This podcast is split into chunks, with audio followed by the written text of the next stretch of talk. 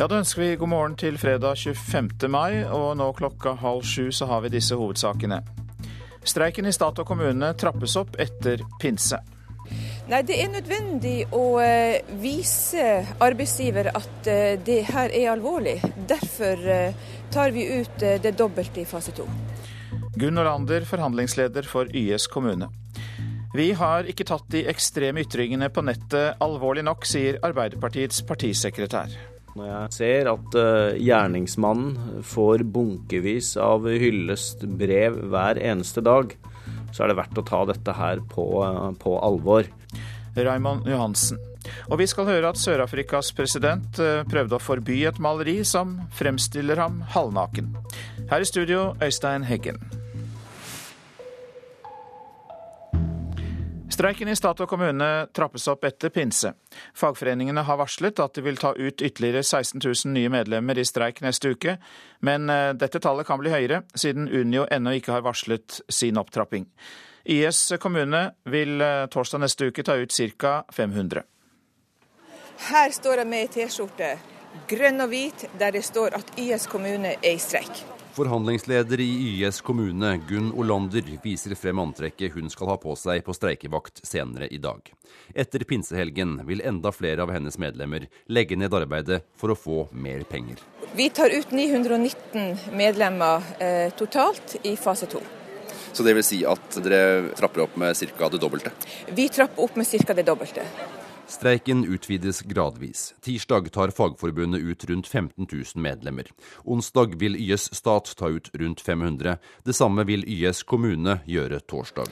Nei, Det er nødvendig å eh, vise arbeidsgiver at eh, det her er alvorlig. Derfor eh, tar vi ut det dobbelte i fase to. Har du noen idé om hvor lenge dette kan komme til å vare? Nei, det er vanskelig å si. Vi er beredt til å streike så lenge det er nødvendig. Det er jo også slik at eh, hvis arbeidsgiver skulle ønske at vi kommer til forhandlingsbordet igjen, så er vi selvsagt villige til det. De medlemmene vi tar ut nå i fase to, det vil berøre bl.a. en rekke kemnerkontor. Eh, en rekke regnskapsøkonomifunksjoner, skole, barnehage og bibliotek. Skremmer dere med skattepengene her nå? Ja, Det vil berøre eh, mulig utbetaling av eh, skattepengene som er venta i juni. Unio, som bl.a. organiserer sykepleiere, lærere og førskolelærere, har ennå ikke varslet en opptrapping.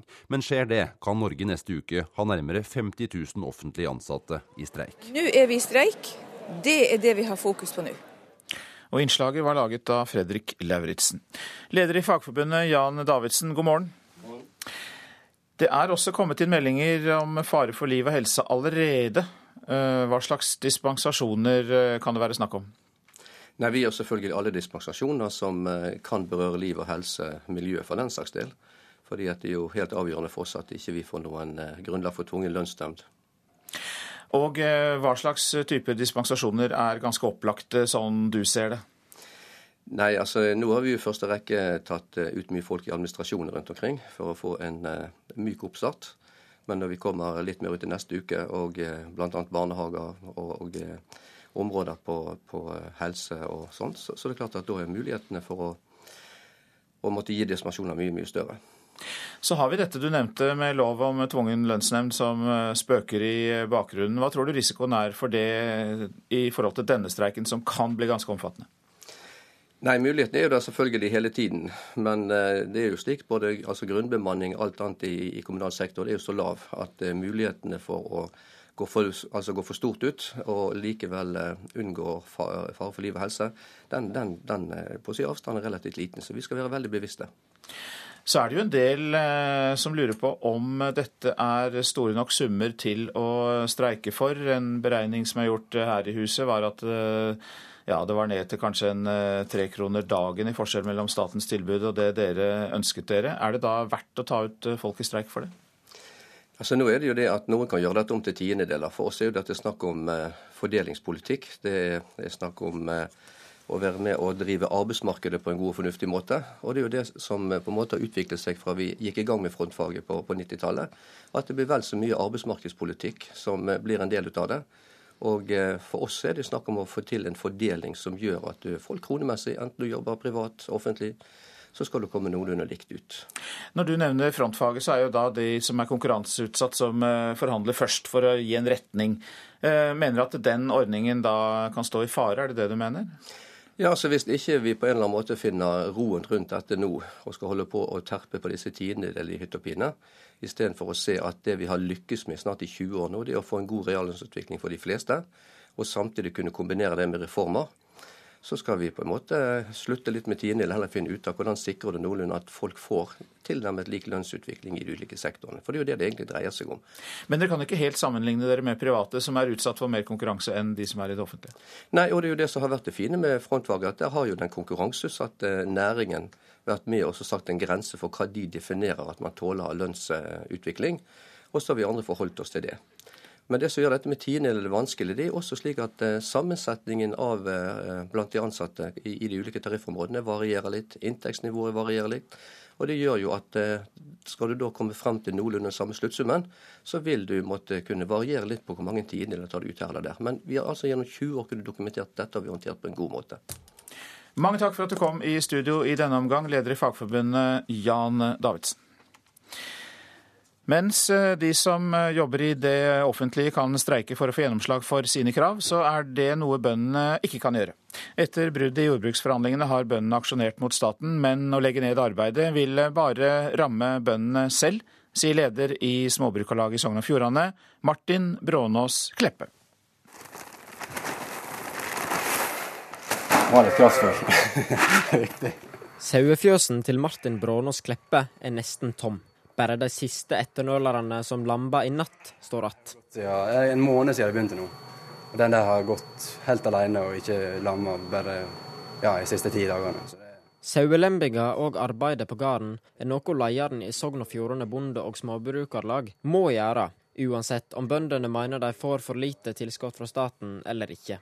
For medan de ansatte i offentlig sektor kan gå i streik, er det i praksis ikke en mulighet for bøndene.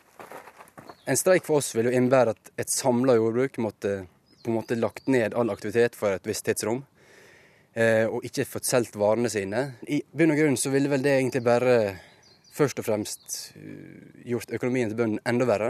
Jeg begynner å bli mer og mer skeptisk til hele jordbruksforhandlingene på den måten der, fordi at det viser seg gang på gang at jordbruket har ikke noen reell, har ikke noen reell makt eller noen reell mulighet til å si hva vi mener og nå fram med det vi kan demonstrere og markere oss sånn som vi har gjort nå, og fått veldig godt fokus på, på landbruk generelt. Men det er egentlig ikke godt nok når vi vet det at det tilbudet vi har kasta fra oss, det vil gå til Stortinget og sannsynligvis bare bli banka gjennom. Ja, dette her går bra. Ja da. Ja. Papirarbeid er byttet ut med kaffe og vafler for de kommunetilsatte som er tatt ut i streik i Førde. I landet ellers er barnehager allerede stengte, Innsatte blir sluppet ut fra fengsel, og eldreheimbeboere blir råka.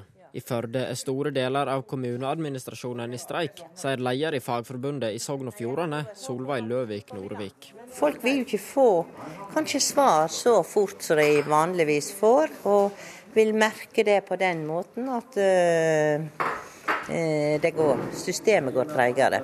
Bøndene har synt sin misnøye med å stenge veier, kjøpe opp masse brød og reist til Oslo for å protestere. Men å bytte ut arbeidet med kaffe nytter ikke for bøndene, tror en av de som streiker i Førde, Kåre Åsnes. Det er ikke noen som ser om en bonde setter seg utenfor fjøsen sin og ikke er, gjør noe. Så bøndene de er jo nødt til å aksjonere for å vise seg fram. Vårt siste våpen det er å, å gå ut i streik. Og Det er vel òg et våpen som en ikke bør bruke uten at det er nødvendig. Men når en ikke vinner fram med kravene sine, så er det jo en måte å vise at en ja, er uenig. Og Det er da en måte de har, men bøndene ikke har i praksis, egentlig? Ja. ja. I praksis så er det det. På bøen til Brånås Kleppe kommer sauene springende når han kommer med kraftfôr. De får mat og pleie av bonden, uansett om staten øker tilskuddet eller ikke. Må, må se etter dem hver dag, uansett om du har dem Førde eller om du har dem utenfor huset. Ja. Ellers er det for galt. En dag er nok. Hvis det er sykdom, så kan sauen ligge død. Har de noe pressmiddel overfor staten i forhandlinger? Nei, vi har, vi har, et krav som vi legger fram. Og eh, Så er det egentlig opp til statens gode vilje hva vi får i tilbud. Martin Brånås Kleppe fra Småbrukarlaget Sogn og Fjordane til reporter Sondre Dalaker. Tidligere SV-leder og utviklingsminister Erik Solheim får ikke stillingen som FN-ambassadør. Det gjør derimot Geir O. Pedersen, som er leder for UDs avdeling for FN, fred og humanitære spørsmål. For to måneder siden måtte Solheim forlate regjeringen. Han har siden vært spesialrådgiver i Utenriksdepartementet. Solheim søkte på den ledige stillingen som FN-ambassadør, men etter det Dagens Næringsliv erfarer, skal han nå ha fått beskjed om at han ikke får den. Så til forsidene i avisene. Kongen måtte hjelpe politiet, skriver Bergens Tidende. Streiken førte til at politisjefen måtte steppe inn som kongelig sjåfør under besøket i Bergen, men kong Harald måtte hjelpe til med å få bilen i gir. Storstreiken mot regjeringen utløser raseri, leser vi på Klassekampens forside. Den kan true framtida til frontfagmodellen, mener LO og Unio, altså modellen der noen konkurranseutsatte næringer forhandler først for å legge et løp for oppgjøret. Spår langvarig streik er Adresseavisens oppslag. Hvis arbeidsgiver ikke kommer med pengene ganske raskt, spår Fafo-forsker at streiken vil vare i én til to uker. Se hvordan streiken rammer Norge, skriver VG. Berører barnehager, skoler, skattepenger og politi. Mens grillmat er tema på forsiden av Dagbladet. Svensk frykt for norsk tolløkning er oppslaget i Nasjonen. En eventuell overgang til prosenttoll på ost vil mangedoble tollen, viser svenske beregninger. Skjerpet tollvern på ost er ett av norske bønders krav. Fattige får mindre hjelp, skriver Vårt Land. Økonomisk uro gjør at eh, vestlige land gir stadig mindre til utviklingshjelp. 19 år gamle Gustav Magnar Witzøe fra Frøya er Norges yngste milliardær. Det kan vi lese i Aftenposten. Witzøe er blitt styrtrik på laks. Nå skapes det nye familieformuer i oppdrettsanleggene langs kysten. Krise i hjemmetjenesten er oppslaget i Bergensavisen. Færre får hjelp. De som jobber i hjemmehjelpstjenesten i Bergen er mye syke, og de synes at byrådet behandler dem dårlig. Skyter alle hestene dersom Mattilsynet dukker opp, er det dramatiske oppslaget i Nordlys. Mattilsynet har kritisert hesteholdet på Bunes gård i Håkøybotn i Tromsø. Nå truer eierne med å skyte alle de 17 hestene, mens pressen er til stede dersom Mattilsynet kommer for å flytte hestene. Nordmenn skyr Facebook-aksjen, leser vi i Finansavisen. Oljefondet er trolig blitt advart mot å kjøpe. Milliardær og Molde-patriot Bjørn Rune Gjelsten lot fotballen hvile, og brukte gårsdagen på å kjøpe gardinkjeden Kid interiør. Det betalte han 925 millioner kroner for, skriver Dagens Næringsliv. Kanskje blir det gardiner i bonus til Ole Gunnar Solskjær, sier Gjelsten til avisa.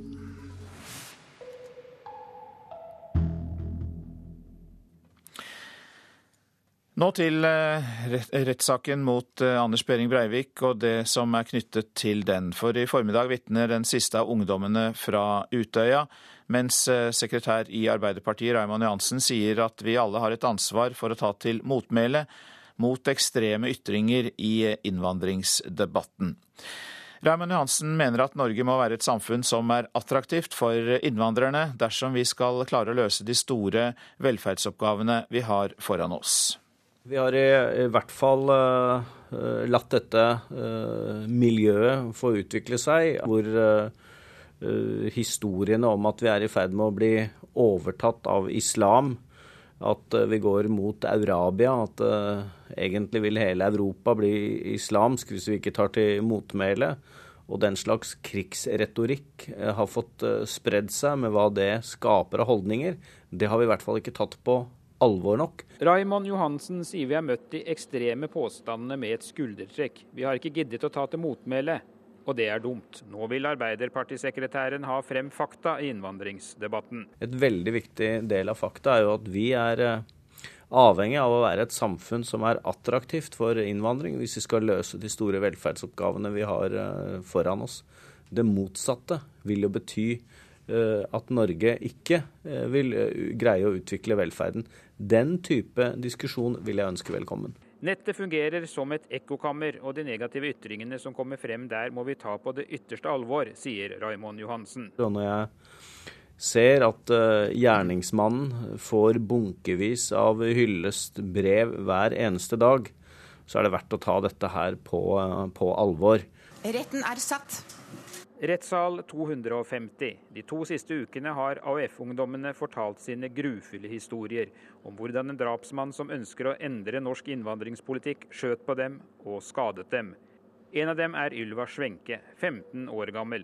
Hun sa i retten at vi har betalt en pris for demokratiet og vunnet. Jeg ser på det her som et angrep på det norske demokratiet 22.07. Da er det her, de arrene mine, de er på en måte et symbol på at demokrati kommer ikke gratis. I formiddag kommer siste vitne fra Utøya. Raimond Johansen legger ikke skjul på hvor imponert han er over ungdommene som har vitnet i Oslo tinghus. For det første så er det jo hjerteskjærende å høre alle historiene, all brutalitet som blir eh, brettet ut. Og det er jo nesten ufattelig uh, å forstå hva de har gjennomgått uh, disse timene på Utøya. På samme tid så er jeg stum av beundring eh, for eh, den klokskap og styrke som disse unge menneskene har utvist i eh, vitneboksen og det vi hører. Og jeg syns Anders Giæver i VG sa det ganske godt, at vi har kanskje fått en generasjon som er strengt tatt bedre enn det vi fortjener. Sekretær i Arbeiderpartiet Raymond Johansen til reporter Per Arne Bjerke. Natt til 23. juli kom en båt putrende over Tyrifjorden. Anders Behring Breivik satt på samme sete som livredde AUF-ere hadde sittet på få timer tidligere. På ettermiddagen 22. juli fikk Mats Hartz fra Vikersund en kort telefon fra det lokale politiet. Han sa at vi trenger båt, og lurte på om båten var klar. Og som jeg hadde mye bensin. Politiet skulle egentlig bare låne båten, men eh, snekkeren med båt ville være med som kjentmann. Da var det full gass herifra helt opp til Utøya. Knappe 20 minutter tok det fra Harts starta båten i Vikersund til det var fremme ved Utøya. På vei over fikk politimennene beskjed om at én person var pågrepet. Men verken dem eller båtføreren visste hva som ville møte dem på øya. Når jeg kom inn mot sydspissen, så så det så så du masse klær som var lagt overalt der. Nærma oss så, så så vi jo så vi at det ikke bare, bare var klær. 17-20 skadde ungdommer fikk plass i den vel 20 fot store båten. Noen virka hysteriske, andre virka veldig, veldig rolig. Andre så ut som var nær å gå i sjokk. Mens andre var eh, letta og skjønte at var, eh, ble de redda. Hartz var politiets båtfører. Utpå natta fikk han et spørsmål. Da da jeg ble spurt om å, å kjøre gjerningsmann over på land. Den brygga er såpass høy, så sto jo her og, og hjalp han ned, for han jo, hadde jo håndjern på seg. Hvor, hvor satt han? Rett bak der du står nå. Han satt der. Og der, ja. Rett der sånn. Det er den svarte genseren der. Okay. Den svarte genseren min? Akkurat der jeg satt for to minutter siden. Nei, når han kom i båten, så så han uh, trøtt ut. Han, uh, han så nesten sløv ut. Hva ble sagt om bord? På den båtturen så Jeg husker han prata om et dokument. Det, det var det jeg hørte han prata om. Jeg skjønte dagen etter at det var dette manifestet han prata om. I dag skal Mats Hartz sitte inne i rettssal 250 og høre hva politivitnene sier om pågripelsen på Utøya. Og han skal se igjen den siste han frakta inn til fastlandet den natta. Men eh, det han husker best fra 22.07, er ikke Breivik, men alle ungdommene. Jeg har tenkt mye på akkurat eh, tenkt på at de har gått gjennom. At det var imponert at de klarte å holde seg så oppe som de gjorde. Veldig mange av dem tok vare på, på hverandre òg. Mats Hartz i samtale med reporter Eva Marie Strand. Du lytter til Nyhetsmorgen, og klokka den går mot 6.50. Dette er hovedsaker. Streiken i stat og kommune trappes opp etter pinse. Vi har ikke tatt de ekstreme ytringene på nettet på alvor, sier Arbeiderpartiets partisekretær Raymond Johansen. Og vi skal snart høre at Norge og Tooji har sikret seg finaleplass i Grand Prix. Men først til kampprogrammet for Eliteserien i fotball. I mai er det for tett, det mener vikingmanager Åge Hareide. Fra 4. til 29. mai blir det spilt seks eliteserierunder, i tillegg til cup og landskamper. Jeg syns det, det er for mye. Altså, Forbundet bør kikke på det, det mai-programmet, for det har vært tett. og Det var tett i fjor også, og da var det heller ikke EM. Det er jo pga. EM-sluttspillet at det blir veldig kompakt nå. Åge Hareide får støtte av kollega Dag Eilev Fagermo i Odd Grenland, som mener kampprogrammet fører til rovdrift av spillerne. 100 er bare å gå inn i garderoben vår og se. Der er en lege, der er det fysioterapeuter. Så det, er De slike såra, for å si det sånn. Er det forsvarlig å ha så tett kampprogram som du ser det? For klubber som har store staller, så, og de ressurssterke klubbene, så kan det være kanskje det som kan rullere. Men eh, for de mindre klubbene så er det tøffere. Kim André Madsen har spilt samtlige kamper for Strømsgodset denne sesongen. Nå er han på samling med A-landslaget. Nei, Det har vært veldig mye kamper nå i mai, da. og det er fortsatt en del kamper før det blir ferien. Det er jo tøft på kroppen, men uh, jeg, klart, jeg i hvert fall, personlig har klart å komme meg gjennom det. Så, men det er selvfølgelig ja, det er tungt, så du må, må være flink til å restaurere deg og gjøre ting riktig utenfor banen. Toppfotballsjef Nils Johan Sem mener norske spillere og ikke minst trenere har lite å klage over. Jeg tror det er bra at vi har den innstillinga at i perioder av sesongen så må vi ha tøffe kampprogram, vi også. Fremmer ikke det de rike klubbene som har råd til å ha store staller? Jo, det kan du godt si. og sånn, eh, det, De vil alltid ha en fordel av det. Men samtidig så tror jeg det handler mest om kompetanse, hvor flinke man er med hver enkelt spiller som er involvert i landslaget. Så jeg føler at vi har bra, ganske bra kontroll på det. Reporter Ole Rolfsrud. Sør-Afrikas president Jacob Zuma har prøvd å forby et omstridt maleri, men fikk ikke medhold i retten. Kunstverket er stilt ut i Johannesburg og fremstiller president Jacob Zuma med kjønnsorganet hengende ut gjennom gylfen.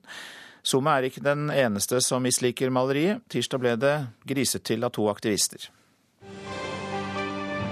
The controversial painting of uh, President Jacob Zuma has in fact been defaced. We have exclusive visuals here on the E News channel. Here it is. Den sørafrikanske nyhetskanalen E News Channel kunne på tirsdag vise hvordan to menn tok seg inn på Goodman Gallery i Johannesburg og grise til det kontroversielle maleriet av president Jacob Zuma, som kunstneren Brett Murray står bak.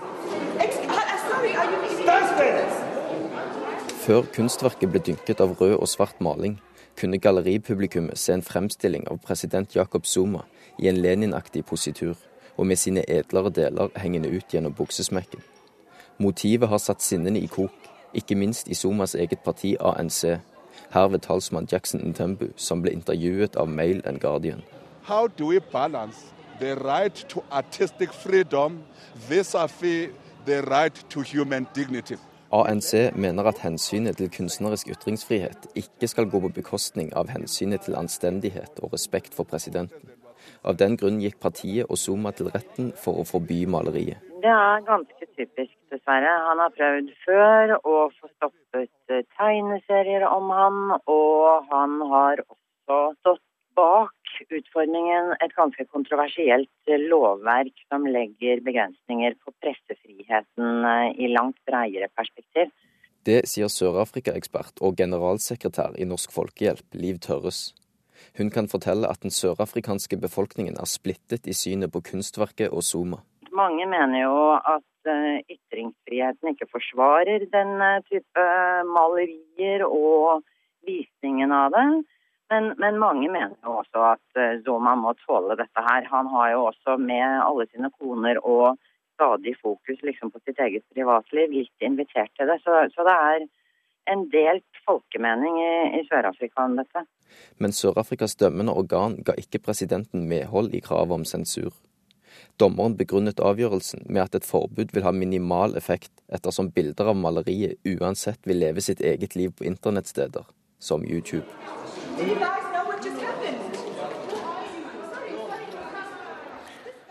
Reporter Dario Kverme Birhane.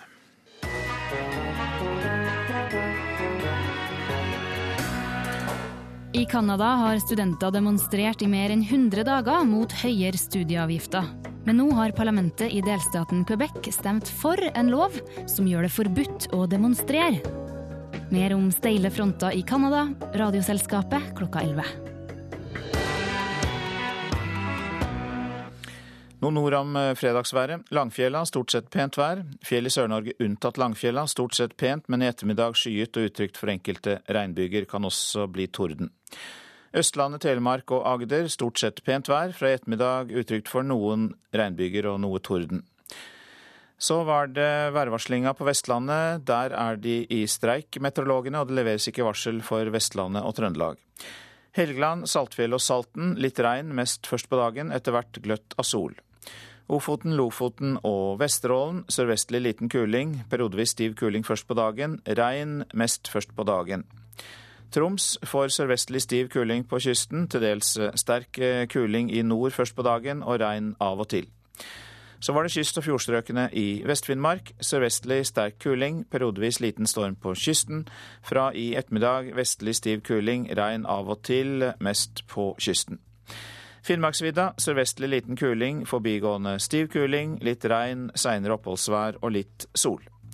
Så tar vi Øst-Finnmark. Vestlig liten kuling. I nord periodevis eh, sterk kuling. I kveld vestlig stiv kuling og regn av og til. Men det kan også bli perioder med sol i Øst-Finnmark. Spitsbergen nå for det meste oppholdsvær og litt sol. Så var det temperaturene målt klokka fem. Svalbard lufthavn null grader. Kirkenes ni. Vardø åtte. Alta og Tromsø begge elleve grader. Bodø 9, Brønnøysund 10. Trondheim-Værnes 12 grader, og 12 grader var det også i Molde, i Bergen, i Stavanger og Kristiansand. 12 grader, altså. Gardermoen og Lillehammer hadde begge 13 grader klokka fem. Røros hadde 2 grader, og eh, Oslo-Blindern hadde 15 grader. Ja, Du lytter til eh, Nyhetsmorgen, og det blir eh, mer om streiken i vår sending nå etter klokka sju.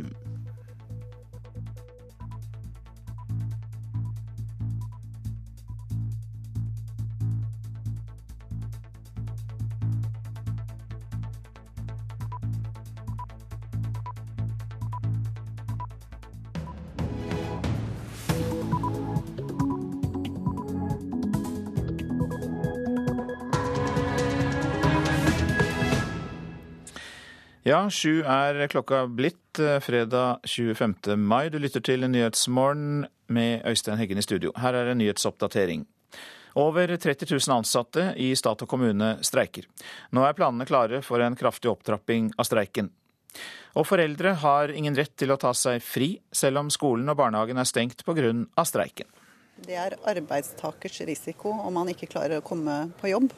Og Det betyr at dette er en situasjon som arbeidstaker selv må ta ansvar for. Nina Melsom i NHO. Breivik satt på det setet du sitter på, forteller båtføreren som fraktet gjerningsmannen fra Utøya. Tidligere på kvelden hadde han kjørt skadde ungdommer over til fastlandet. Jeg er imponert at de klarte å holde seg så oppe som de gjorde. Veldig mange av dem tok vare på, på hverandre òg. I dag skal Mats Hartz vitne i rettssaken. Vi har ikke tatt ekstreme ytringer på nettet alvorlig nok, sier Arbeiderpartiets partisekretær Raimond Johansen. Når jeg ser at uh, gjerningsmannen får bunkevis av hyllestbrev hver eneste dag, så er det verdt å ta dette her på, uh, på alvor. Skiftet av Kina-ambassadør kan være et positivt tegn for forholdet mellom Norge og Kina, sier ekspert. Pårørende til fanger i Libya forteller om eh, tortur som pågår i fengslene. Mannen på bildet og 20 andre innsatte skal ha blitt beordret til å ta av seg klærne og dyppe dem i kloakk, før fengselsbetjentene gikk løs på dem med metallrør. Streiken i stat og kommune kan være en fare for liv og helse. Så langt har Fagforbundet fått inn mellom 20 og 30 dispensasjonsanker som eh, ikke har blitt avklart regionalt. Fagforbundets leder Jan Davidsen forventer at det vil komme flere dispensasjonssøknader når streiken trappes opp. Nå har vi i første rekke tatt eh, ut mye folk i administrasjonen rundt omkring for å få en uh, myk oppstart. Men når vi kommer litt mer ut i neste uke, og bl.a. barnehager og, og områder på, på, helse og sånt, så, så det er klart at da er mulighetene for å og måtte gi dispensasjoner mye, mye større. Sier Fagforbundets leder og forhandlingsleder for LO kommune, Jan Davidsen. Allerede har meldingene kommet inn om at streiken i stat og kommune kan være en fare for liv og helse, men Davidsen sier at de gjør alt for å unngå farer som kan føre til en tvungen lønnsnemnd. Nei, muligheten er jo der selvfølgelig hele tiden. Men eh, det er jo slik både altså grunnbemanning alt annet i, i kommunal sektor det er jo så lav at uh, mulighetene for å går for, altså går for stort ut, og likevel uh, unngår fare for liv og helse, den, den, den på på si avstand er relativt liten. Så vi skal være veldig bevisste. Det er jo helt avgjørende for oss at ikke vi får noen uh, grunnlag for tvungen lønnsnemnd. Fagforbundets leder Jan Davidsen, og reporter her det var Kent Amar Eriksen.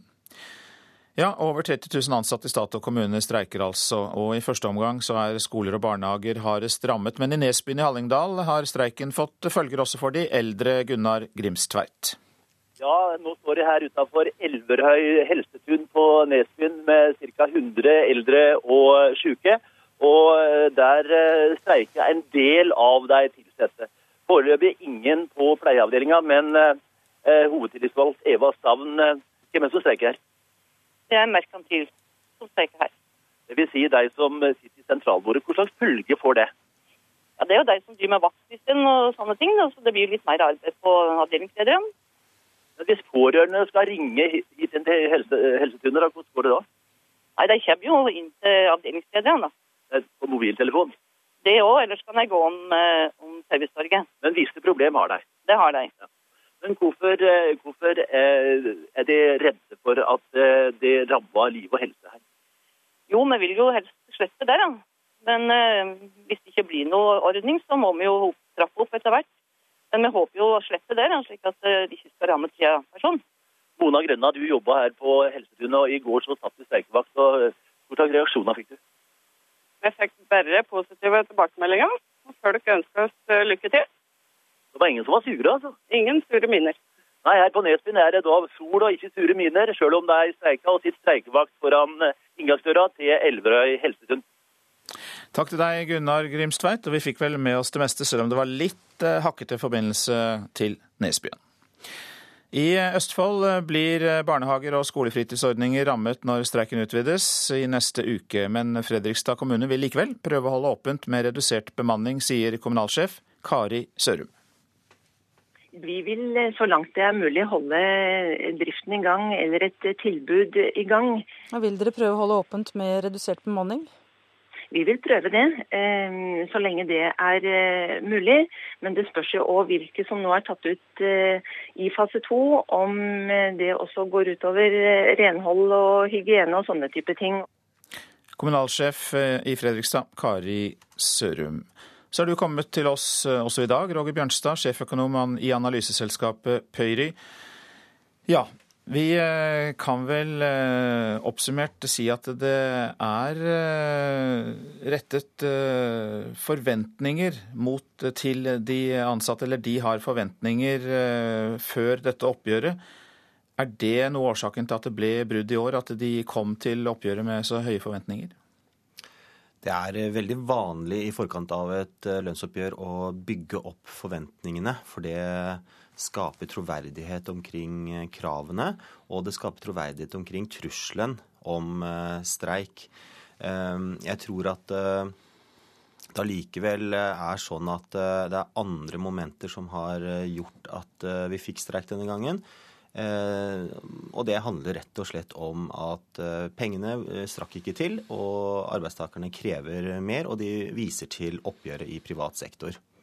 Men samtidig så er det gjort beregninger som viser at det er ikke så veldig stor forskjell i pengebeløp.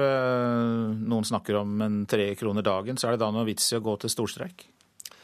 Ja, altså det konsekvensen av å ikke streike er større enn disse tre kronene likevel. Eh, fordi eh, dette handler jo om et eh, spill, og hvis en part i dette spillet viser at man ikke er villig til å streike, ja, så vil man heller Eller så vil man også tape oppgjørene i årene som kommer. Så eh, man må være villig til å bruke streikevåpenet hvis kravene sine ikke blir innfridd. Ellers så vil den andre parten ta nytte av det ved å, å få ned da lønnsveksten. Ikke bare penger, men også muskler, Roger Bjørnstad?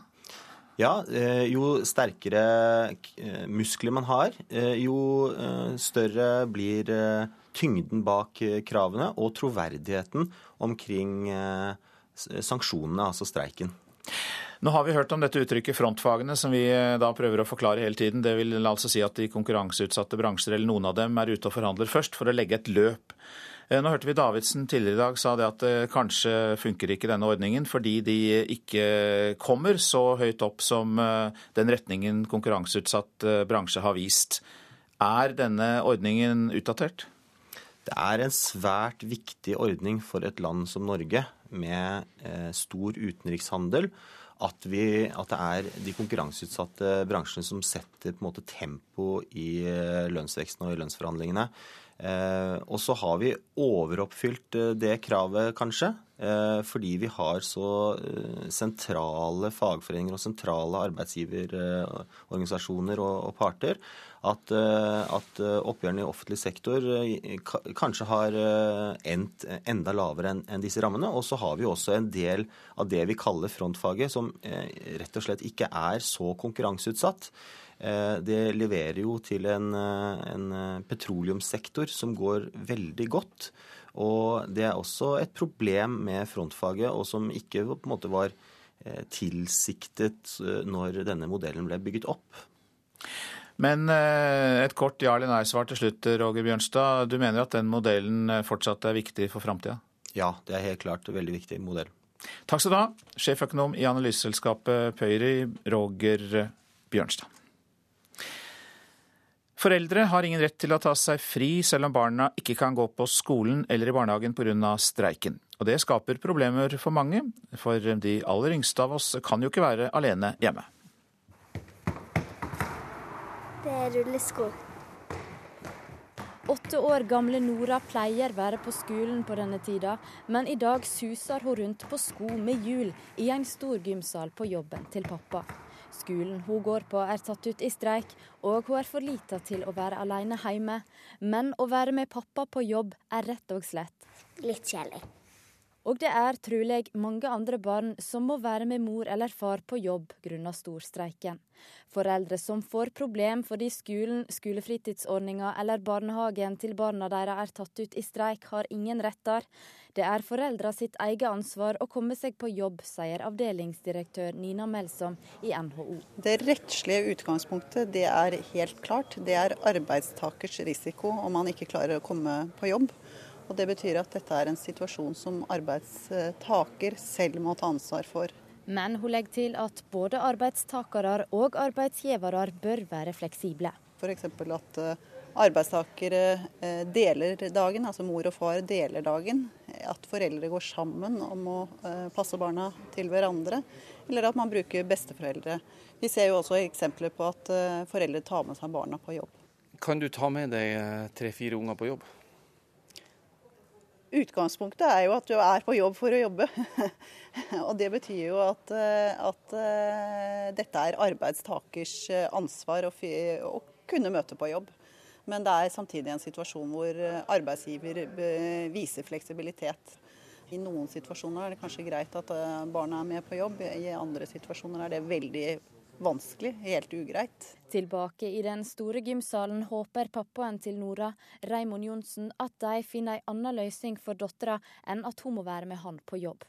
Det får stå sin prøve. Det ordner seg, og jeg tror ikke jeg trenger å ta med på, på jobb flere dager. Får nok eh, andre til å passe. Reportere her Eirin Årdal og Kjartan Røslett. Klokka den eh, har passert 7.11, eh, og vi har disse hovedsakene.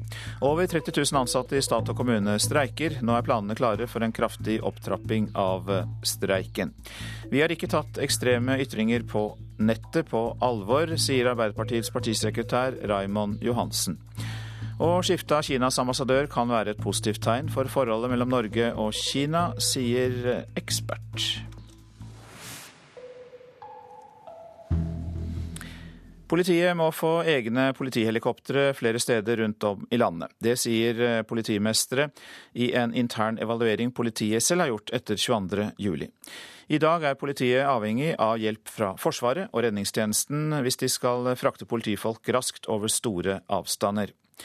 Hordalands politimester Geir Gudmundsen vil ha flere politihelikoptre basert, plassert rundt i Norge. Regionale beredskapssentre kan være en måte å korte ned responstiden på, og da samtidig i forhold til å ha transportkapasitet i form av helikopter. Egne politihelikoptre som står klare på baser flere steder i Norge. Som kan rykke ut med en gang alarmen går, for å frakte politifolkene dit de trengs. Dette trenger Norge nå, mener Hordaland-politimester Geir Gudmundsen. Også politimester i Vest-Finnmark, Torbjørn Aas, stiller seg bak forslaget. Det vil gjøre politiets evne til å komme seg raskt ut på kritiske hendelser mye bedre, og vi vil bli i stand til å gjøre en bedre jobb for publikum. I dag må politiet låne helikoptre av Forsvaret og redningstjenesten hvis de må frakte politifolk raskt. De har ingen garanti for at de får bruke disse helikoptrene med en gang. Forslaget fra politimestrene er en del av den interne evalueringen Politidirektoratet nå gjør etter 22.07. Vi vet at eh, det utover landet er eh, en bekymring for eh, at man ikke har god nok beredskap når det gjelder særlig transportbehov i kritiske situasjoner. Erkjenner politidirektør Øystein Mæland. Vi tar jo dette med oss nå videre i det arbeidet som vi gjør for å følge opp vår egen rapport og de eh, sårbarhetene som ble avdekket eh, hos oss 22.07. Eh, og sier at når man skal vurdere hvor man skal plassere slike regionale politihelikopterbaser, må man også ta hensyn til hvor det bor flest folk. Han krever ingen slik base i Vest-Finnmark, og sier at det viktigste for dem er at de kan dele på å bruke et helikopter sammen med flere andre etater. Aas mener at det uansett må bli lettere for politiet å få tilgang på helikoptre. Jeg er ikke så opptatt av at det skal tilhøre politidistriktet, men jeg er opptatt av at det skal være tilgjengelig for uh, politiet. Uh, så man kan sikkert se for seg løsninger som er en form for uh, regionbasert eller, eller landsdelsbasert. mitt poeng er at norsk politi i distriktene trenger en kapasitet for å transporteres raskere enn hva vi gjør i dag, dersom vi ønsker å øke den reelle beredskapen. Og eh, reportere her, det var eh, Haldor Asvald og Ellen eh, Omland. Snekker Mats Hartz fra Vikersund fikk en spesiell oppgave 22.07. Midt på natten fraktet han Anders Behring Breivik fra Utøya til fastlandet. Hartz hadde kjørt livredde ungdommer i båten sin. Nå var det gjerningsmannen som iført håndjern satt på det samme setet der det noen få timer tidligere satt skadde AUF-ere. Når han kom i båten, så så han trøtt ut. Han han så nesten sløv ut. Hva ble sagt om bord? På den båten så Jeg husker han prata med et dokument. Det, det, var det jeg hørte han prata om. Jeg skjønte det dagen etter at det var dette manifestet han, han prata om.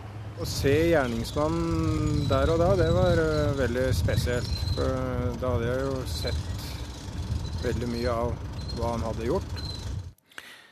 Og i dag skal Mats Hartz eh, få med seg gjennomgangen av pågripelsen på Utøya i Oslo tingrett. Reporter Eva Marie Strand. Så til avisenes eh, forsider. Kongen måtte hjelpe politiet, skriver Bergens Tidende. Streiken førte til at politisjefen måtte steppe inn som kongelig sjåfør under besøket i Bergen. Men kong Harald måtte hjelpe til med å få bilen i gir. Storstreiken mot regjeringen utløser raseri, leser vi på Klassekampens forside.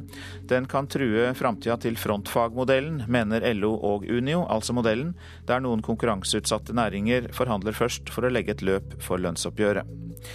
Se hvordan streiken rammer Norge, skriver VG på sin forside. Berører barnehager, skoler, skattepenger og politi. Svensk frykt for norsk tolløkning er oppslaget i Nasjonen. En eventuell overgang til prosenttoll på ost vil mangedoble tollen, viser svenske beregninger. Skjerpet tollvern på ost er ett av norske bønders krav. 19 år gamle Gustav Magnar Witzøe fra Frøya er Norges yngste milliardær, kan vi lese i Aftenposten. Han er blitt styrtrik på laks. Nå skapes det nye familieformuer i oppdrettsanleggene langs kysten. Krise i hjemmetjenesten er oppslaget i Bergensavisen. Færre får hjelp. De som jobber i hjemmehjelpstjenesten i Bergen er mye syke, og de synes at byrådet behandler dem dårlig. Skyter alle hestene dersom Mattilsynet dukker opp, er det dramatiske oppslaget i Nordlys. Mattilsynet har kritisert hesteholdet på Bunes gård i Håkøybotn i Troms. Nå truer eierne med å skyte alle de 17 hestene, mens pressen er til stede, dersom Mattilsynet kommer for å flytte hestene. Nordmenn skyr Facebook-aksjen, leser vi i Finansavisen. Oljefondet er trolig blitt advart mot å kjøpe også, skriver avisa.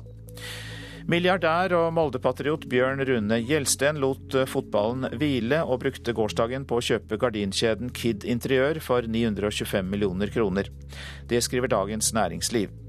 Kanskje blir det gardiner i bonus til Ole Gunnar Solskjær, sier Gjelsten til avisa.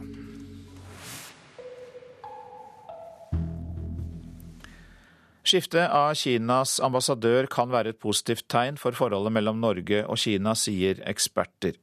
Kina har oppnevnt en ny ambassadør til Norge. Tirsdag denne uka ble Jiao Jun mottatt i en formell seremoni hos kong Harald. Uh, Uh, uh, uh, Professor i internasjonale relasjoner ved Renmin-universitetet i Beijing, Jin Sanrong, sier at utnevnelsen av Zhao Jun er et positivt tegn for relasjonen mellom Norge og Kina.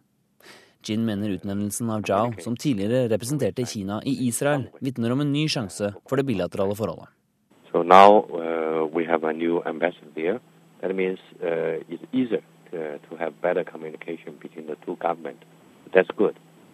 Positive tegn har det vært lite av fra kinesisk side helt siden Nobelkomiteen ga fredsprisen til den kinesiske dissidenten Liu Xiaobo i 2010.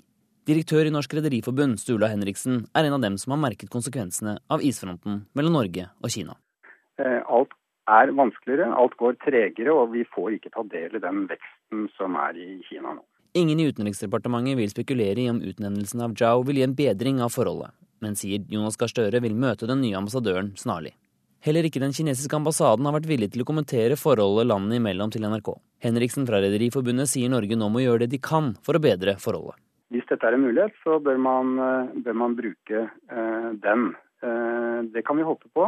Og eh, jeg har i hvert fall en klar eh, forventning om at eh, norske myndigheter gjør det vi kan. For det, det som skjer nå, er at vi utestenges i stadig større grad fra det kinesiske markedet. og Det betyr at mens andre land både får tilgang til markedene og får mulighet også gjennom det til å påvirke samfunnsutviklingen i Kina, så er Norge i stadig større grad utestengt fra det. Og Det rammer bedrifter og arbeidsplasser over hele landet. Og Det er heller ikke et bidrag til at vi kan påvirke samfunnsutviklingen i Kina. Professor Jin i Beijing sier Norden og Norge har et godt image i Kina, og mener det er på høy tid at forholdet mellom landene bedrer seg. I think, generally speaking, uh, the, all the Nordic countries enjoying very uh, positive uh, image among Chinese public, including Norway. People, to some extent, appreciate the model of, of Nordic countries. Very good, excellent balance between individual rights and social interests. So, um, if the government let uh, Norway-China relations drifting for a long time, people will complain, I think. Reporter her, det var Jonas Haagensen. Og nå over til deg, Kristoffer Rønneberg. Du er utenriksjournalist i Aftenposten, har bodd i Kina og kjenner landet godt. Ja, Kan denne utnevnelsen bli en vending til noe positivt i forholdet mellom Norge og Kina? Jeg tror både ja og nei. Altså, på den ene siden så, så, må vi huske på at det ikke er det kinesiske UD som fatter beslutningene, de politiske beslutningene, det er det partiet som gjør. Men samtidig er det, veldig, det er helt klart at personlighet spiller en rolle også i, i internasjonalt, internasjonal diplomati. Og, og, her har de sendt en, en erfaren diplomat som, som, de har gjort. Det er klart det, det kan være positivt. Vi ser at vi ser at de nå får muligheten til å begynne, kanskje ikke med blanke ark, men i alle fall på en, på en ny side. Og, og, jeg tror at det er helt riktig det vi hørte i reportasjen, at, at, Kina har interesse av å hente elementer fra det norske samfunnet, fra den norske samfunnsstrukturen. De, jeg tror I årene før Nobelprisen så sendte vi kanskje 30 delegasjoner i året til Norge for å lære og for å ta med seg det de har bruk for til, til det kinesiske systemet. Så det er, det er mulig å lov å håpe at, at vi kommer tilbake dit. Denne utnevnelsen av Zhao Jun skjedde raskt, og den forrige ambassadøren dro uten å ha gått gjennom den formelle audiensen hos kong Harald. Forteller det oss noe? Det, det, forteller oss nok at situasjonen var helt fastlåst med ambassadør Tang. Da han kom for det er vel to og et halvt år siden, så var han et, et friskt pust. Han var en populær figur, veldig omgjengelig. Men så kom, så kom fredsprisen, og da, da fikk han nok uh, merke fra Beijing at han fikk personlig ansvaret for at han ikke hadde klart å forhindre den prisen. Og Etter det så har han forsøkt å, å, minimere kontakten med norske myndigheter så mye han kan. og da, Der kan jeg bare spekulere, men det ville kanskje blitt merkelig da man skulle, om man skulle ta turen innom Slottet før han forlot Norge for godt. Kina skal jo ha et viktig lederskifte til høsten. Flere av de nye topplederne har jo vært på rundreiser, bl.a. i Nord-Europa forrige måned. Ehm, kan man også lese utnevnelsen som et ledd i et forsøk på å rydde opp i, i gamle feider og la nye ledere starte med blanke ark? Ja, Det er lov å håpe der også, eh, at, eh, at nye tider eh, kan komme med de nye lederne. De, eh, vi skal huske at disse eh, nye lederne Dette er toppnivå i, i, det kinesiske kommunistpartiet. Det er eh, i den såkalte stående komiteen i politbyrået som er den viktigste biten av, av det som skal skiftes ut. Der er det syv, syv av ni personer som, som, skiftes ut. De har helt forskjellige bakgrunner fra sine forgjengere, altså de som styrer i Beijing i dag. De har langt mer internasjonal erfaring.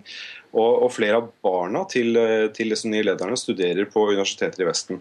Så jeg tror vi kommer til å se et Kina som blir flinkere til å kommunisere med Vesten. Det er ikke sikkert at de kommer til å, til å nærme seg oss i ideologi eller, eh, eller måten å være på, men jeg tror de vil bli flinkere til å kommunisere. Og det kan også være en fordel for, eh, for Norge. I tillegg så tror jeg, eh, eller det jeg har hørt fra folk som, som, kjenner partiledelsen i Beijing, eller som står langt nærmere dem enn hva jeg gjør, er at Hu Jintao, ble, altså den nåværende partilederen, ble personlig fornærmet da Liu Xiaobo ble tildelt fredsprisen i 2010. Og da, Hvis det er riktig, så uh, kan vi håpe at så fort han er ute av partilederstolen nå i høst, at uh, den nye partilederen Xi Jinping kanskje ikke har det samme personlige forholdet til denne fredsprisen som hans forgjenger hadde.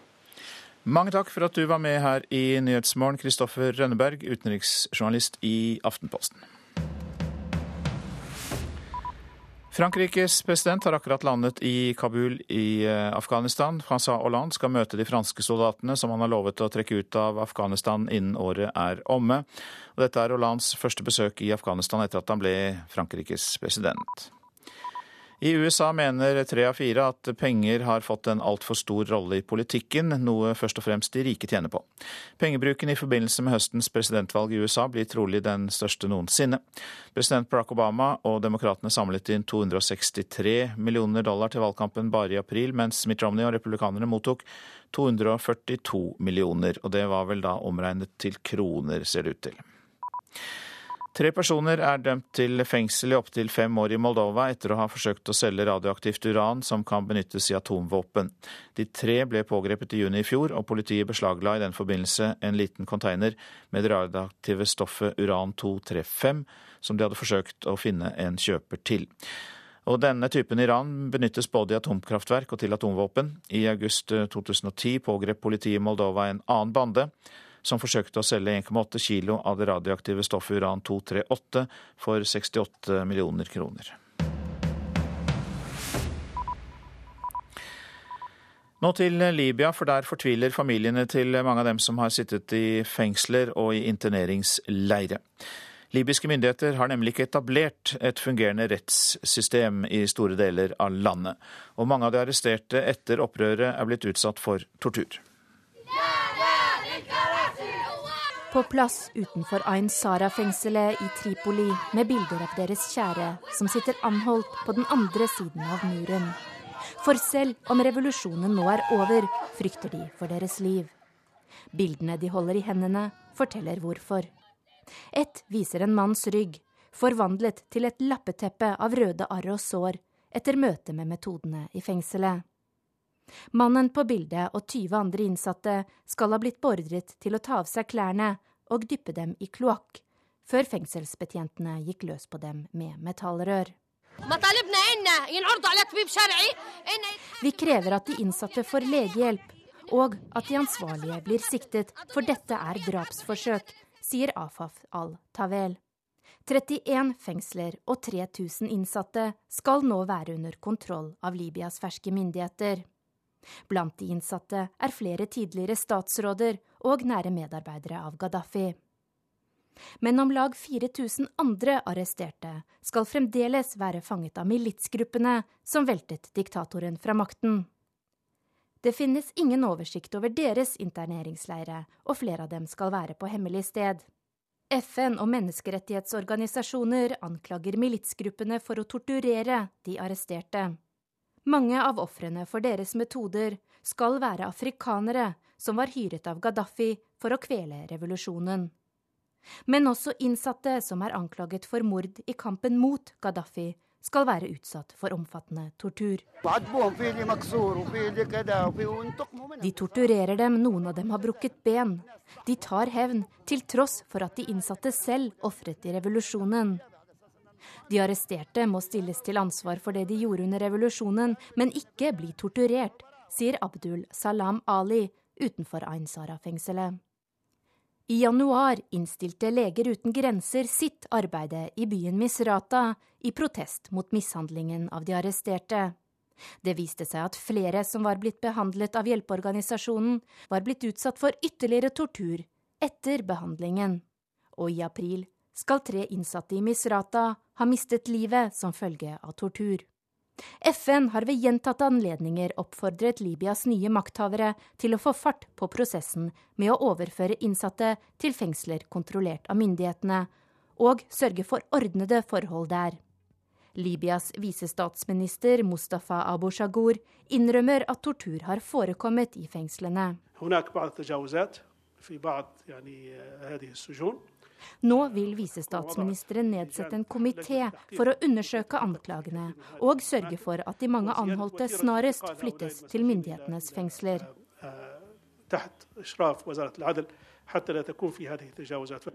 Visestatsministeren vil også gi de ansatte den opplæringen de trenger for å kunne drive fengslene på en forsvarlig måte i tråd med menneskerettighetene. Sa utenriksmedarbeider Charlotte Bergløff. Produsent for Nyhetsmorgen i dag, Jean Erik Bjørnskau. Her i studio, Øystein Heggen.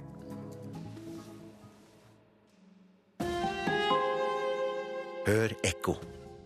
Pappa tok kontrollen over Aserbajdsjan med et kupp, og sønnen kuppet i sin tur makten fra sin døende far. Presidenten og hans familie er de rikeste i landet, og mange mener de bruker statskassen som sin egen lommebok. Møt vertskapet for årets Melodi Grand Prix. Ekko 9 11 i NRK P2.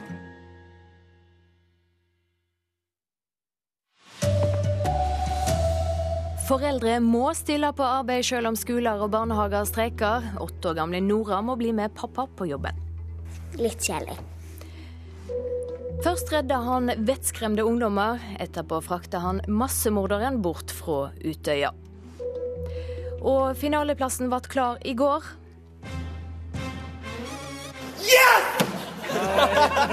Jeg er så glad, for vi har jobbet, teamet mitt har jobbet så hardt. Alle sammen har gitt alt. Tooji er klar for å gi alt i Melodi Grand Prix i morgen. God morgen, her er NRK Dagsnytt klokka 7.30. Foreldre har ingen retter og må komme seg på jobb selv om barna ikke kan være på skolen eller i barnehage pga. storstreiken. Arbeidstakerne har kort rett til å ta fri eller få spesialordninger. Det skaper problem for mange, og for de aller yngste kan ikke være alene hjemme. Det er rullesko. Åtte år gamle Nora pleier være på skolen på denne tida, men i dag suser hun rundt på sko med hjul i en stor gymsal på jobben til pappa. Skolen hun går på er tatt ut i streik, og hun er for lita til å være alene hjemme. Men å være med pappa på jobb er rett og slett. Litt kjedelig. Og det er trolig mange andre barn som må være med mor eller far på jobb grunnet storstreiken. Foreldre som får problem fordi skolen, skolefritidsordninga eller barnehagen til barna deres er tatt ut i streik, har ingen retter. Det er foreldra sitt eget ansvar å komme seg på jobb, sier avdelingsdirektør Nina Melsom i NHO. Det rettslige utgangspunktet det er helt klart. Det er arbeidstakers risiko om man ikke klarer å komme på jobb. Og Det betyr at dette er en situasjon som arbeidstaker selv må ta ansvar for. Men hun legger til at både arbeidstakere og arbeidsgivere bør være fleksible. F.eks. at arbeidstakere deler dagen, altså mor og far deler dagen. at foreldre går sammen om å passe barna til hverandre, eller at man bruker besteforeldre. Tilbake i den store gymsalen håper pappaen til Nora, Raymond Johnsen, at de finner en annen løsning for dattera enn at hun må være med han på jobb. Det får stå sin prøve. Det ordner seg, og jeg tror ikke jeg trenger å ta med på, på jobb flere dager. Får nok eh, andre til å passe. Reporterer Eirin Årdal og Kjartan Rørslett. Fredrikstad kommune vil prøve å holde åpne både barnehager og skolefritidsordninger, selv om mange av de ansatte skulle bli tatt ut i streik neste uke. Det sier kommunalsjef Kari Sørum. Det betyr at det blir færre voksne til å passe på ungene. Vi vil så langt det er mulig holde driften i gang eller et tilbud i gang. Vil dere prøve å holde åpent med redusert bemanning? Vi vil prøve det, eh, så lenge det er eh, mulig. Men det spørs jo òg hvilke som nå er tatt ut eh, i fase to. Om det også går utover renhold og hygiene og sånne type ting. Reporter Heidi Gomnes. Og reporter Mathias Lunde Kristoffersen i Fredrikstad. Hvordan reagerer de streikende på at kommunen nå sier de vil ta imot unger, selv om mange tilsatte streiker? Jeg står her nå med Oddbjørg Strømme, som er leder i Fagforbundet i Østfold. Eh, kommunalsjefen i Fredrikstad vil eh, holde barnehager åpne med redusert bemanning. Hva tenker eh, Fagforbundet om dette? Ja, Vi er jo litt betenkt over det, men samtidig så kan jo ikke vi hindre de som ikke er i streik i å jobbe. Men det må jo være gå varsomt her, slik at det ikke blir noen form for streikebryteri. Ja, hvor, stor, hvor mye frykter du at det blir streikebryteri i den streiken her? Nei, det har jeg egentlig ikke noe frykt for. Jeg opplever at eh, kommunene og arbeidsgiverne har respekt for, eh, for det lovlige virkemidlet som streik er, så det frykter jeg egentlig ikke. Men har du også en eh, viss forståelse for at de ønsker å gjøre det som de gjør? Ja, jeg skjønner jo arbeidsgiver. De jo, er jo opptatt av at det skal være et tilbud til innbyggerne. Så jeg skjønner jo at de gjør det. Tusen takk til deg, Oddbjørg Strømme. Altså en viss skepsis, men eh, også forståelse fra Fagforbundet i Østfold. Takk skal du ha, reporter Mathias Lunde Christoffersen. I dag skal politiet forklare seg om pågripinga på Utøya 22.07. Snekker eh, Mats Hart fra Vikersund ble båtfører for politiet hele den kvelden og natta, og i tretida på natta fikk han et spesielt oppdrag. Og da jeg ble spurt om å og kjøre gjerningsmann over på land. Den kvelden hadde Mats Hartz kjørt skrekkslagne AUF-ungdommer i trygghet. Nå skulle han kjøre mannen de alle flykta fra. Breivik skulle sitte på det samme setet der det for få timer siden hadde sittet skadde AUF-ere. Hvor, hvor satt han? Rett bak der du står nå. Han satt der. Rett der sånn, det er den svarte genseren der. Den svarte genseren min? Akkurat der jeg satt for to minutter siden. Den brygga er såpass høy, så sto jo her og hjalp han ned, for han jo, hadde jo håndjern på seg. Nei, når han kom i båten, så så han uh, trøtt ut. Han, uh, han, så nesten sløv ut. Hva ble sagt om bord? På den båtturen så Jeg husker han prata om et dokument. Det, det, var det jeg hørte han prata om. Jeg skjønte dagen etter at det var dette manifestet han prata om. I dag skal Mats Hartz sitte inne i rettssal 250 og høre hva politivitnene sier om pågripelsen på Utøya.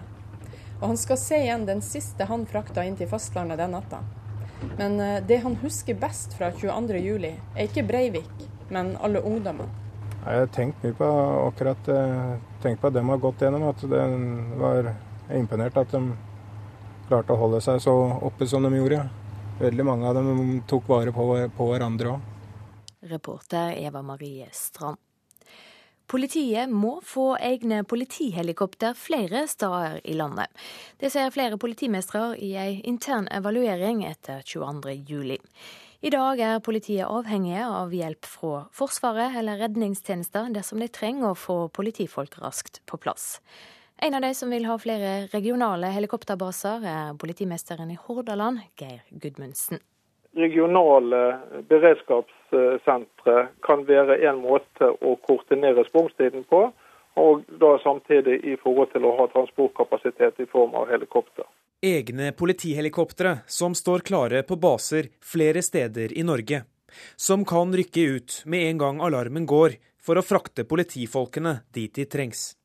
Dette trenger Norge nå, mener Hordaland politimester Geir Gudmundsen. Også politimester i Vest-Finnmark, Torbjørn Aas, stiller seg bak forslaget. Det vil gjøre politiet sin evne til å komme seg raskt ut på kritiske hendelser mye bedre, og vi vil bli i stand til å gjøre en bedre jobb for publikum. Reporterer Haldor Asvald og Ellen Omland.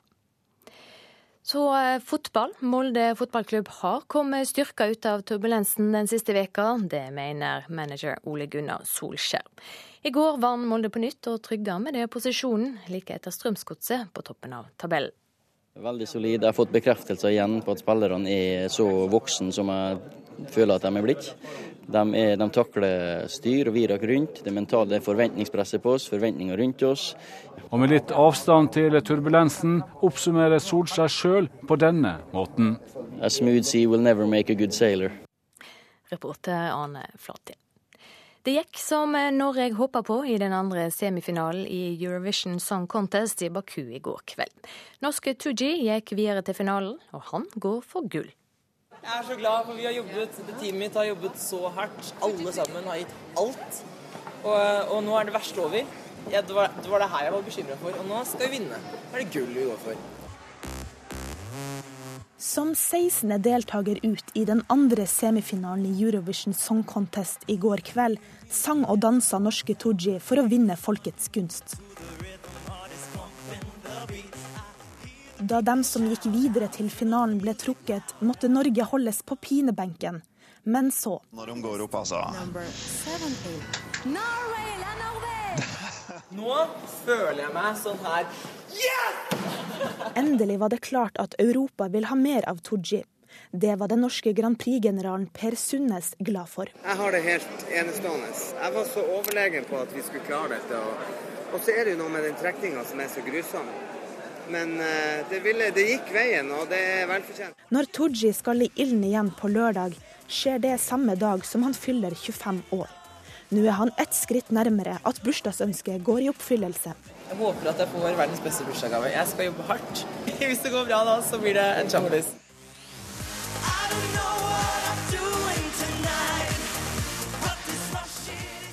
Reporter Hege Valenius. Legeforeninga vil ha røykeforbud i bil for å verne om barn sin rett til å puste i røykfri luft. Foreninga går også inn for å innføre 20-årsgrense for å kjøpe sigaretter og snus. Ansvarlig for Dagsnytt denne morgenen, Bjørn Christian Jacobsen. Teknisk ansvarlig, Ante Egil Nordlien. I studio, Silje Sande.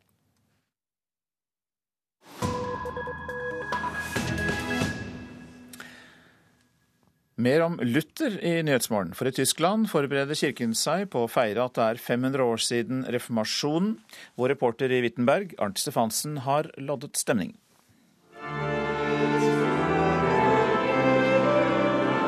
Det er søndag formiddag i Slottskirken i Wittenberg, et gudshus med en ruvende fortid.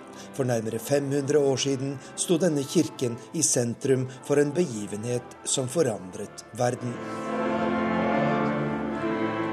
Da presten Martin Luther slo opp 95 kritiske teser på kirkedøra i Wittenberg, ønsket han å forbedre den katolske kirken. I stedet utløste han en konflikt som splittet både kirken og det europeiske kontinent. Martin Luthers betydning for Europa kan vanskelig overvurderes, sier Luther-eksperten Hanna Kasparik.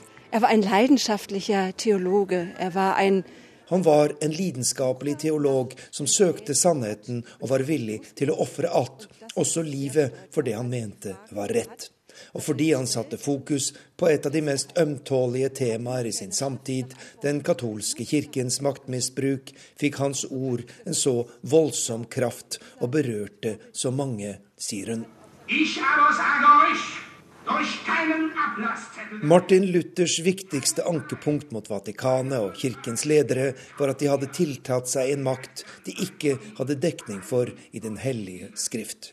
Helt inn i det hinsidige strakte denne makten seg, og kirken gjorde stor forretning ved å selge såkalte avlatsbrev som folk kunne kjøpe for å sikre seg en plass i himmelen. Luthers 95 teser rettet seg direkte mot denne avlatshandelen, og dette førte til at han ble lyst i bann og erklært fredløs. Ihr stehe ich. Ich kann nicht anders. Men Luthers venner reddet ham og brakte ham til et sikkert sted i det sørøstlige Tyskland, der han gjorde sitt banebrytende arbeid med å oversette Bibelen til tysk. En revolusjonerende hendelse, sier den svenske presten Harald Gustavsson, som er på besøk i Wittenberg. Altså Luther ville jo återvende til kirkens rene kilder, altså Bibelen og uh, bekjennelsen, og dette at at varje människa egentligen ska kunna studera detta och gå sin väg framåt. Det var ju Luthers stora tanke egentligen.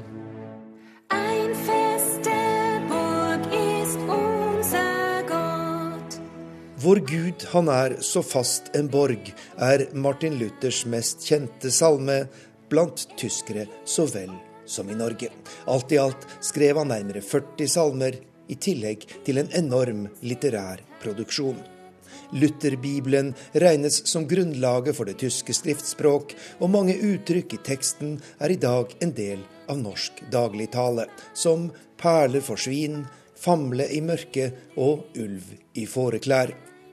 I 2017 er det altså 500 år siden reformasjonen startet, og tyske myndigheter er i gang med en tiårig markering der hvert år vies et spesielt tema, sier luthereksperten Hanna Kasparik. Sie bedeutet zum ersten Mal eine Erinnerung, wo kommen wir her? Jubileet er en enestående mulighet til å se seg tilbake og spørre seg hvor kommer vi fra, og hva utrettet egentlig denne mannen som har betydd så mye for menneskene i Europa og andre steder. Men vi skal ikke bare rose Luther, vi skal også være kritisk, og vi tar klar avstand fra hans jødefiendtlige uttalelser, sier Hanna Kasparik i Wittenberg.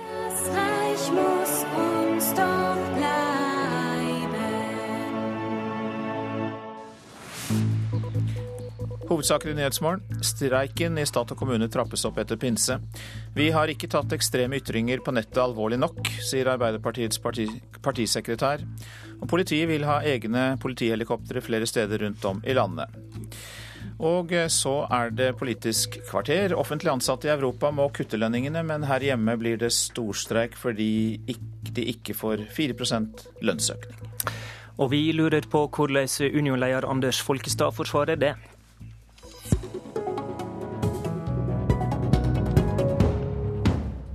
Men eh, først i Politisk kvarter skal vi debattere ei famøs utsegn. 9. mai sa kunnskapsminister Kristin Halvorsen dette her i studio. Over tid viser det seg at de som har mange privatskoler i sine land, de tiltrekker seg de elevene av de foreldrene som enten har penger eller er veldig opptatt av skole, eller begge deler. Og så tiltrekker de seg etter hvert lærekrefter, og det går på bekostning av fellesskapet. Og i Norge har vi fellesskap og samhold. Det er derfor vi har rosetog. Det er fordi at vi stiller opp i fellesskap eh, og er vant til å omgås på tvers. Debatten om denne påstanden har levd videre i sosiale medier, i lederartikler og i spørretimen på Stortinget, der du tok det opp, Høyres Elisabeth Aspaker. Og du har bedt kunnskapsministeren beklage det hun sa. Hvem er det hun bør si unnskyld til? Hun bør si unnskyld til de elevene som går i private skoler, bør si unnskyld til deres foreldre, og bør si unnskyld til alle de lærerne som jobber i private skoler. Eh, og det er jo noe her som ikke henger på greip, at kunnskapsministeren også skal være den statsråden som skal ha ansvar for å bekjempe mobbing i norsk skole. Og da tenker jeg at da må man legge på seg sjøl sterke bånd i forhold til hvordan man opptrer, og hva slags signaler man sender ut. Kunnskapsminister Kristin Halvorsen, er du klar til å beklage? Eh, jeg burde helt klart ha uttalt meg mer nyansert, fordi noen har misforstått, og andre har ønsket å misforstå. Hva har vi derfor, misforstått? Nei, Det jeg er glad for å kunne si, det er jo at jeg er for dagens privatskolelov. Den gir åpning for uh, skoler på religiøst grunnlag eller på alternativt pedagogisk uh, grunnlag. Og Det betyr at vi har ca. 3% privatskoler i Norge. Og det er gode privatskoler, og de elevene og lærerne og foreldrene som er tilknytta det, har selvfølgelig en veldig god skolehverdag. Det var et kompromiss mellom Kristelig Folkeparti og den rød-grønne regjeringa som skulle sikre at vi hadde noen private skoler, men også for å hindre en omfattende privatisering. Men du mener eh, at det er en fare for det norske fellesskapet over tid dersom vi får flere privatskoler? Jeg mener at den storstilte privatiseringen som Høyre hadde lagt opp til i 2005, og som vi stoppa, på sikt ville ført til mye større forskjeller i Skole-Norge. Og, og, det vil gå utover fellesskapet? Det, større forskjeller går utover fellesskapet. Men det, eh, det som lå da, som vi stoppa i 2005, det var godkjenning av 15 000 elevplasser i videregående skole mm. og ca. 6000 elevplasser i grunnskolen. Og de elevplassene som kom i videregående skole, de lå stort sett i byene. Eh, og det ville betydd at mange distriktsvideregående skoler ville mista elevgrunnlaget sitt, og at det ville blitt større forskjeller mellom elevene i byene. Kan ikke flere privatskoler råke fellesskapet, Elisabeth Aspaker? Nei, det er jo stort tull. Og det resonnementet til statsråden henger jo heller ikke på greip. For det er jo vitterlig i byene befolkninga i Norge vokser. Det er Oslo kommune og store byer som jobber livet av seg for å greie å bygge nye skoler i i å holde tritt med den befolkningsveksten som er. Og så har jeg lyst til å si til statsråden, Det er et utrolig paradoks her. For hun er også barnehageminister. Og i Norge så går 47% av alle unger går i barnehager, private barnehager fra de er ett-to år til de er fem-seks år. Og hvis det her er så farlig for fellesskapet, så burde, jo, så burde jo statsråden også ha tatt et skikkelig oppgjør med å sørge for at alle barnehager i dette her landet var offentlige. Og 3% av elevene i Norge i private skoler, det er jo det er nesten ingen. Ja, Hva er egentlig har... sammenhengen Halvorsen, mellom hvem som produserer en velferdstjeneste og fellesskap og rosetog? Det som ville øh, vært øh, virkningen av en omfattende privatisering av skolen i Norge, det er to ting særlig. Det ene er at de private skolene først og fremst ville kommet i byene. Vi har jo lista over de skolene som vi stoppa, og de er stort sett i byene. Det ville betydd at mange av de distriktsvideregående skolene som vi i dag strever for å opprettholde grunnlaget for, de ville mista elevgrunnlag. Men, det er det ene. Men, og det andre men, de La meg forklare videre. Det andre er at når man har et stort innslag av private skoler i byene, så vil selvfølgelig en del elever trekke dit mens andre blir igjen i de offentlige skolene. Og på sikt på, blir det større forskjeller. Ja, jeg lurer på, De som går på disse private skolene, opp, har de mindre kjensle for fellesskapet? Nei, selvfølgelig er det ikke det som er diskusjonen. Diskusjonen er om vi skal sørge for å styrke den norske fellesskolen videre framover. Ja, for, det, for det går utover fellesskolen, da? Jo, men, men det, er helt, eh, det er avgjørende viktig for oss at vi har en felles skole av god kvalitet som alle elever har mulighet til å gå på. Uansett om de har god råd eller dårlig råd. Norge har blitt et rikt land fordi vi har hatt en god eh, fellesskole, og fordi alle hadde mulighet til å utnytte sitt eh, potensial. Hvis vi f.eks. ser til Sverige, som har gjennomgått mye av den privatiseringsbølgen som Høyre nå ønsker å innføre. Og Det er viktig at velgerne vet at dette er altså den viktigste skolepolitiske saken for Høyre. Ja, skal, det sa Elisabeth Aspaker senest til VG. Men da eh, vil det bli mye større forskjeller i den norske skolen. Hør, Elisabeth Aspaker, er målet for Høyre med å ville ha flere privatskoler, er det å styrke fellesskapet?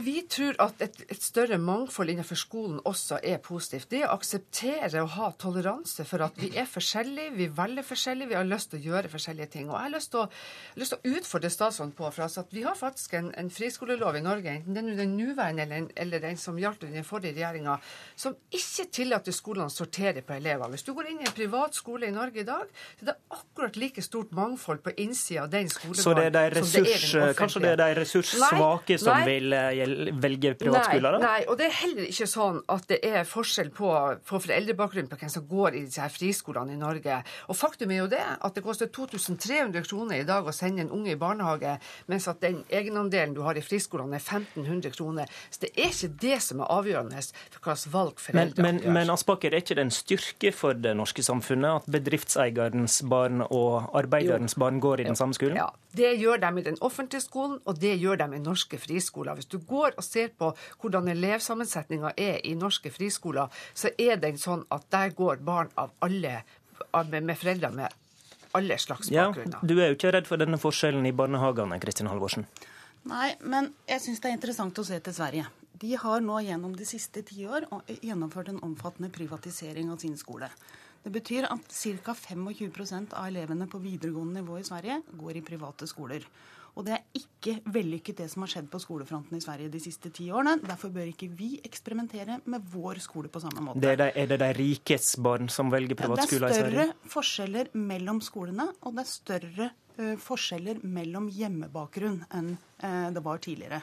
Og det er klart at Hvis vi får et omfang av private skoler, tilsvarende la oss si 25% av de videregående elevene, så vil det være en helt annen skolestruktur enn det vi er vant til. Jeg skjønner ikke hvorfor vi skal kaste bort tida på det. Fordi vi har mer enn nok med å sørge for å styrke den, den fellesskolen vi har. Vi har et stort behov for å holde de gode lærerne eh, i den fellesskolen vi har. Vi har et stort behov for å gjøre det mulig for elever å utvikle seg i tråd med de forutsetningene og det potensialet de har. Få til mer variert og praktisk undervisning innenfor den skolen, sånn at flere kan lykkes og flere kan bli inkludert. Hvorfor er skal vi gjøre dette eksperimentet, Aspaker? Altså, Nå får Sverige være Sverige og Norge være Norge, men vi kan også se til Nederland, som har et betydelig større innslag av private skoler enn det vi har i Norge, og de gjør det kjempegodt altså, i forhold til disse internasjonale testene. Og jeg har lyst til å si at Nå må, det, nå må, vi, få, nå må vi få fokus på innhold og resultater i norsk skole, og ikke være så opptatt av hvem som eier skolen. Høyre vil ha en sterk og, og tydelig og god offentlig skole, men vi aksepterer også at det er noen foreldre og noen elever som foretrekker et annet tilbud. Og da bør vi ikke være så redd for det, men vi må heller si at det er berikelse at vi kan ha et mangfold på skolesiden. Men dette er jo ikke det Høyre foreslår. Nå har Elisabeth Aspaker akkurat sagt at den viktigste saken på skoleområdet, det er å privatisere skolen. Nei, det Og- har ikke, det har Jo, ikke jeg det har du sagt til nei, VG denne var, uka. Nei, det var det VG skrev. Men det jeg sa var den viktigste saken for Høyre. Det var faktisk et gigantisk kompetanseløft for norske lærere, der regjeringa dessverre Uansett er det sånn at dere ønsker å eksperimentere med norsk fellesskole og sette i gang en storstilt privatisering. Det er Det gjør krefter. jeg eh, har en mistanke om at debatten holder fram utenfor studiodøra. Takk til Kristin Halvorsen og Elisabeth Aspaker.